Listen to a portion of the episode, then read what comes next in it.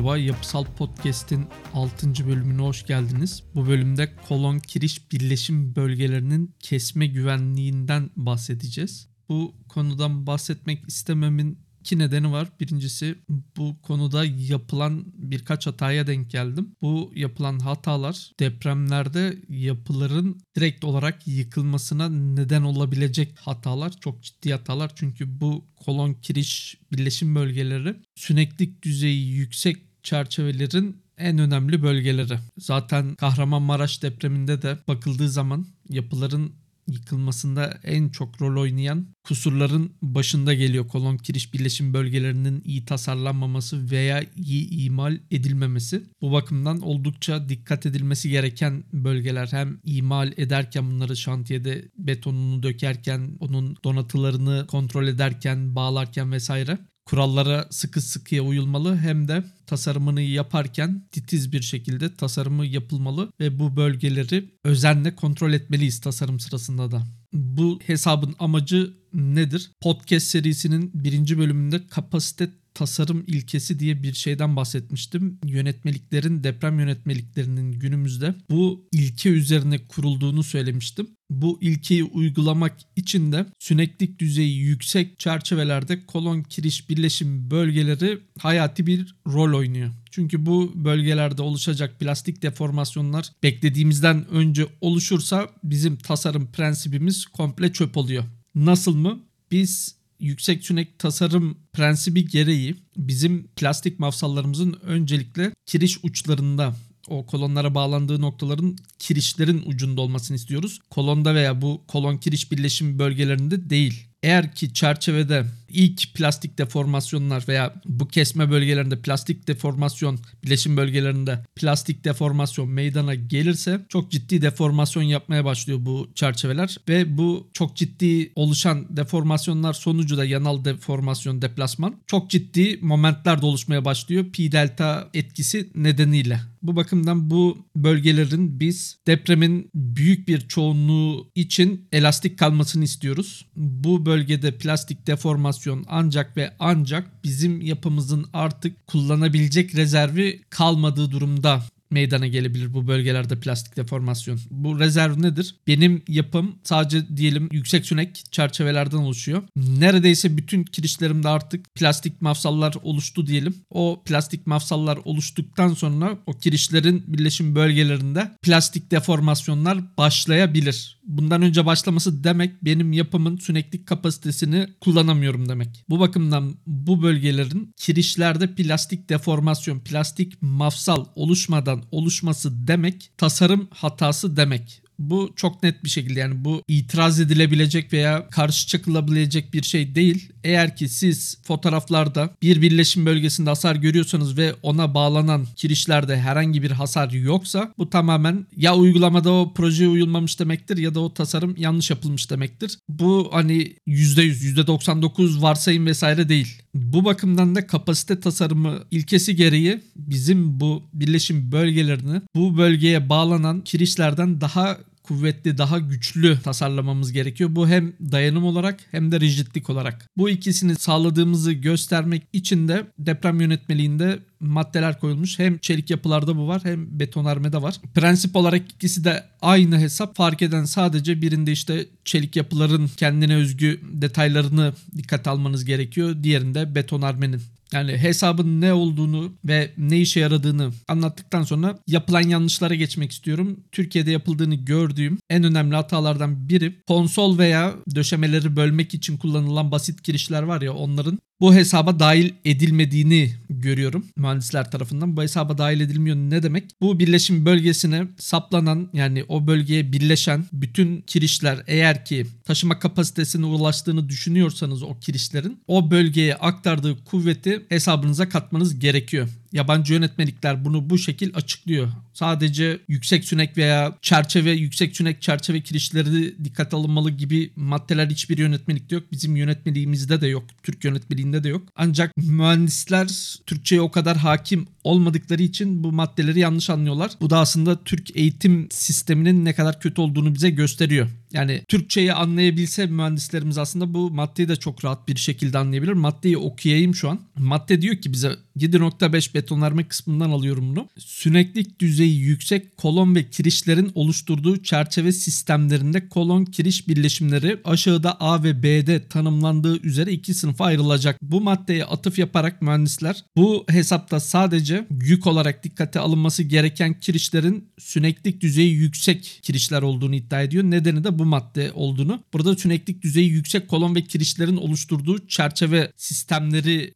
diye atıf yapıldığını söylüyorlar. Ancak burada tanımlanan şey kolon kiriş birleşimleri. Bu cümleyi okuduğunuz zaman hani ilkokulda vardı ya sorular soruyordunuz. Cümleleri okuyarak hangi, ne vesaire hani sıfatı, zamiri vesaire anlamak için. Burada kolon kiriş birleşimlerine hangi kolon kiriş birleşimleri diye sorduğumuz zaman süneklik düzeyi yüksek kolon ve kirişlerin oluşturduğu çerçeve sistemlerinde kolon kiriş birleşimleri olduğunu kolon kiriş birleşimlerinden önceki kısmın süneklik düzeyi yüksek kolon ve kirişlerin oluşturduğu çerçeve sistemlerinde kısmının kolon kiriş birleşimlerini tanımladığını görüyoruz. Yani hangi kolon kiriş birleşimleri? Bu madde bize diyor ki sen sadece süneklik düzeyi yüksek kolon ve kirişlerin oluşturduğu çerçevelerdeki kolon kiriş birleşimlerine bu hesabı yapmalısın. Eğer ki süneklik düzeyi yüksek olmayan yani normal süneklik düzeyine sahip bir çerçeven varsa bu hesabı yapmana gerek yok diyor. Bu madde sadece bize bunu söylüyor. Bu madde bize şunu söylemiyor.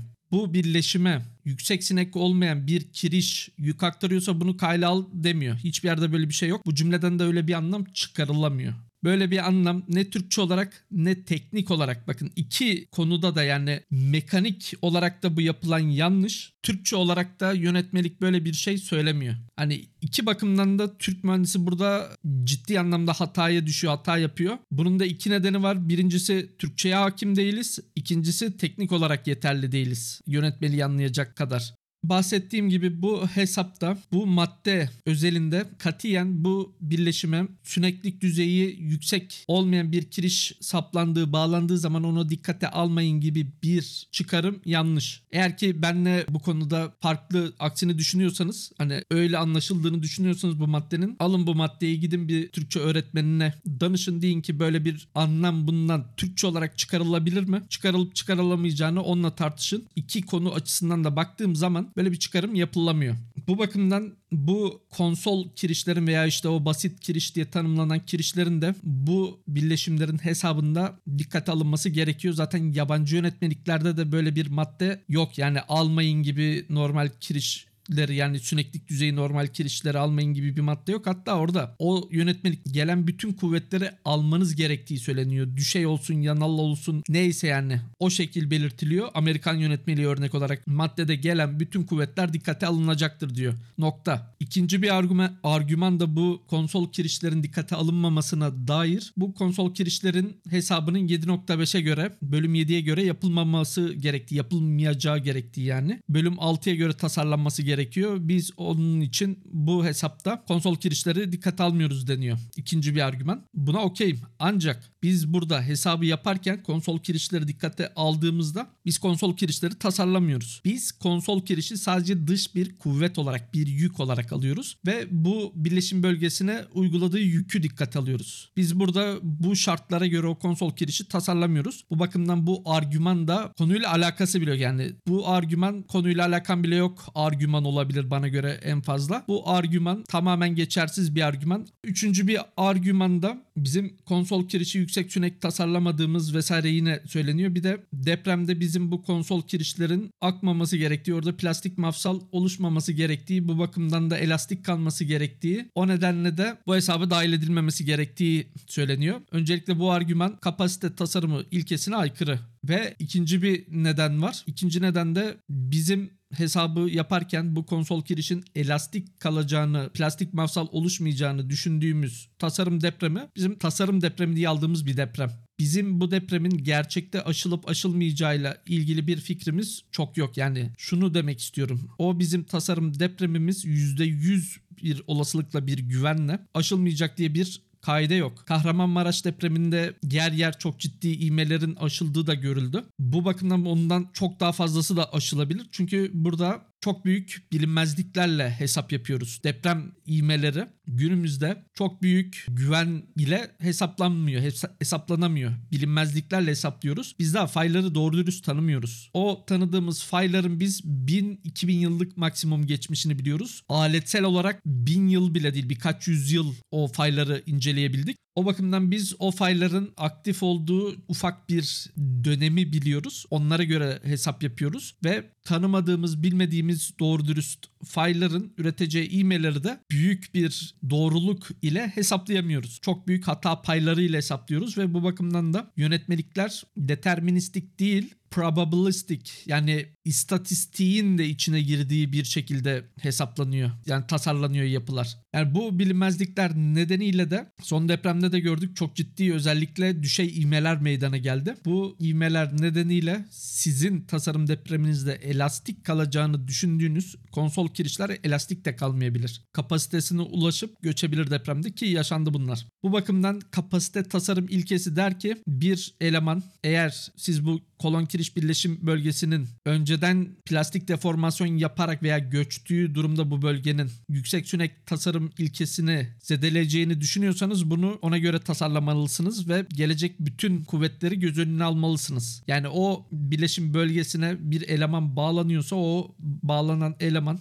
o bölgeye birleşen eleman o bölgeye kuvvet aktarabiliyor demektir. O aktarabileceği maksimum kuvvete göre bu bölgeyi tasarlamalıyız ki depremde beklenmedik bir ivme geldiği zaman dahi benim yapım yüksek sünek bir şekilde davranabilsin. Eğer ben o konsol kirişi hesaba katmazsam ve o konsol kirişten dolayı oluşan kuvvet benim birleşim bölgemin daha kirişlerde plastik mafsal oluşmadan göçmesine veya çok ciddi plastik deformasyon yapmasına neden olursa ben yapımı yüksek sünek olarak tasarlamış olmuyorum. Bir de şu var. Argüman olarak eğer ben konsol kirişi dikkate almazsam kuşatılmış bileşim bölgesi olmayacak ve ona göre bu bölgenin dayanımı düşecek deniyor. Bu bakımdan güvenli tarafta kalan hesap yapıyorum deniliyor. Bu sizin projenize bağlı. Bazen güvenli tarafta kalan hesap yapabilirsiniz. Konsol kirişi dikkate almayarak bazen güvensiz. Bu bakımdan direkt olarak ezbere bir şekilde konsol kirişi yok sayarsanız ondan gelen kuvveti yok sayarsanız illaki yaptığınız projelerin bazılarında güvensiz tarafta kalan hesap yapmış olacaksınız. İşi şansa bırakmak yerine bunu kendiniz hesaplayıp görmeniz gerekiyor. Konsol kirişi dikkate aldığınız zaman da teknik olarak bir hata yapmış olmuyorsunuz. O konsol kiriş kuşatılmış kolon, kuşatılmış bileşim bölgesi şartını sağlamak için yeterli bir boyutta ise o kuşatılmış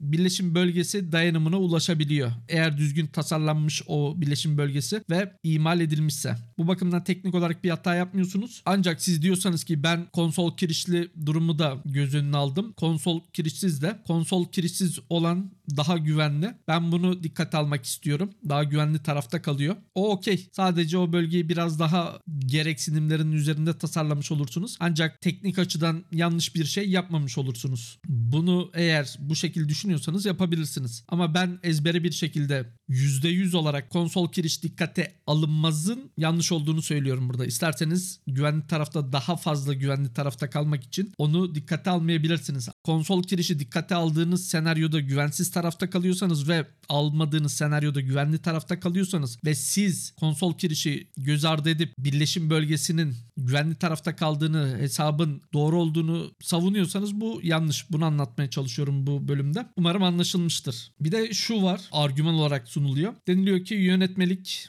şunu göz önüne al demiyor. Hani genel bu hesap için değil sadece genel bütün hesaplar için. Öncelikle siz niye bir eğitim alıyorsunuz bunu kendinize sormanız gerekiyor. Niye inşaat mühendisliği eğitimi var? Niye eğitim veriliyor da sadece yönetmelikler yazılıp eğitim almayan kişiler tasarım yapmıyor? Niye sadece biz program yazıp yani bir yapı tasarımı için program yazıp kodlayıp bu kodlara direkt olarak yapıyı tasarlatmıyoruz. Türkiye'de bunu yapanlar var ancak yanlış. Niye başına bir mühendis konuluyor bu programlarında bunu sormanız gerekiyor. Bunun nedeni de bir yönetmeliklerde hata olabilir. İki her durum için yönetmelik her şartı sunamaz size. Bu bakımdan sizin yönetmeliğin açık kaldığı kısımları varsa o açık kalan kısımlar yani kendinizin kapatması gerekiyor. Yönetmelik bir şeyi göz önüne al demedi ancak sizin teknik teknik bilginize göre onu göze almanız gerekiyor. O zaman almalısınız. Zaten size şöyle diyeyim. Eğer ki sizin yapınız göçerse ve davalık olursanız derseniz ki yönetmelik bunu göz önüne al demedi. Ben sanmıyorum ki Türkiye'de de yönetmeliğin onu demediği için yani o maddeyi açık bıraktığı için sizin haklı görüleceğinizi. Siz yine suçlu görüleceksiniz, bulunacaksınız. Çünkü siz eğitim aldınız o konuda, profesyonelsiniz. Sizin imza atma yetkiniz var o konuda.